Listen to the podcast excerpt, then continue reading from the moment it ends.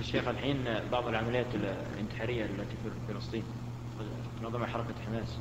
هذه بعض العلماء أفتى بجواز نعم نرى أن العمليات الانتحارية التي يتيقن الإنسان أنه يموت فيها حرام.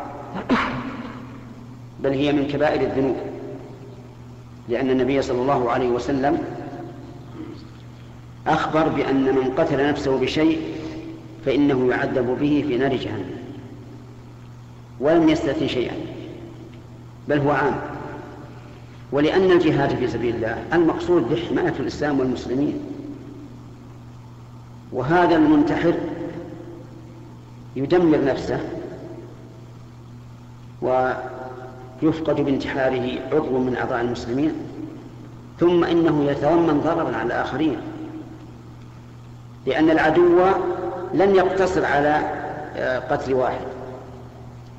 بل يقتل به أمما إذا أمكن ولأنه يحصل من التضييق على المسلمين بسبب هذا الانتحار الجزئي الذي قد يقتل عشرة أو عشرين أو ثلاثين يحصل ضرر عظيم. كما هو الواقع الآن بالنسبة للفلسطينيين مع اليهود. وقول من يقول إن هذا جائز ليس مبنيا على أصل.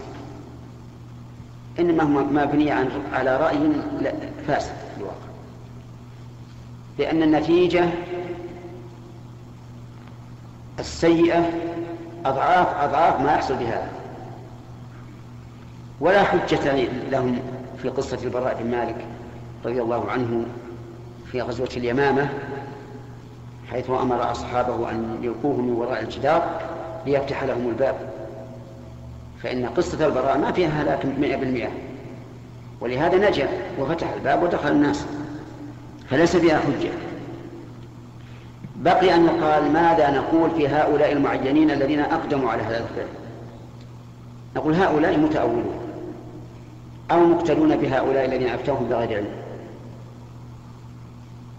ولا يلحقهم العقاب الذي أشرنا إليه لأنهم كما قلت لك متأولون أو مقتدون بهذه الفتوى والإثم والإثم في الفتوى المخالفة للشريعة على من أفتى نعم.